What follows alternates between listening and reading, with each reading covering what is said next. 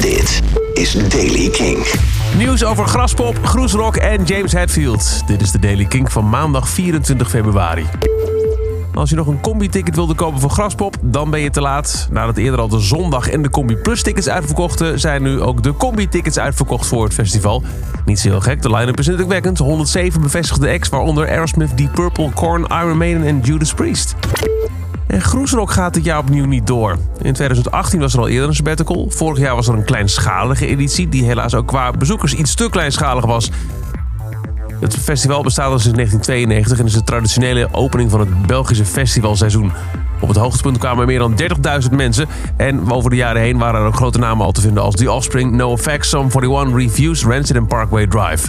Of er nog toekomst in Groesrock zit, dat moet blijken. En James Hetfield heeft voor het eerst in zijn rehab opgetreden. Hij deed mee aan een eerbetoon aan de eh, overleden zanger Eddie Money en speelde die nummer Baby Hold On.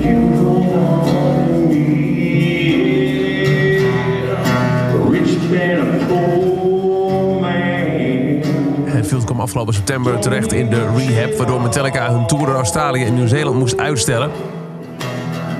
En nu heeft hij dus opgetreden. Als verrassing, hij stond niet op de line-up van het tribute concert.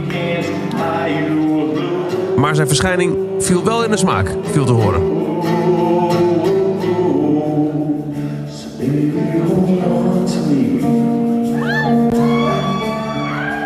Tot zover de Daily Kink. Elke dag een paar minuten bij met het laatste muzieknieuws en nieuwe releases. Niks missen? Dan luister je dag in dag uit via de Kink-app, kink.nl of waar je ook maar aan de podcast luistert.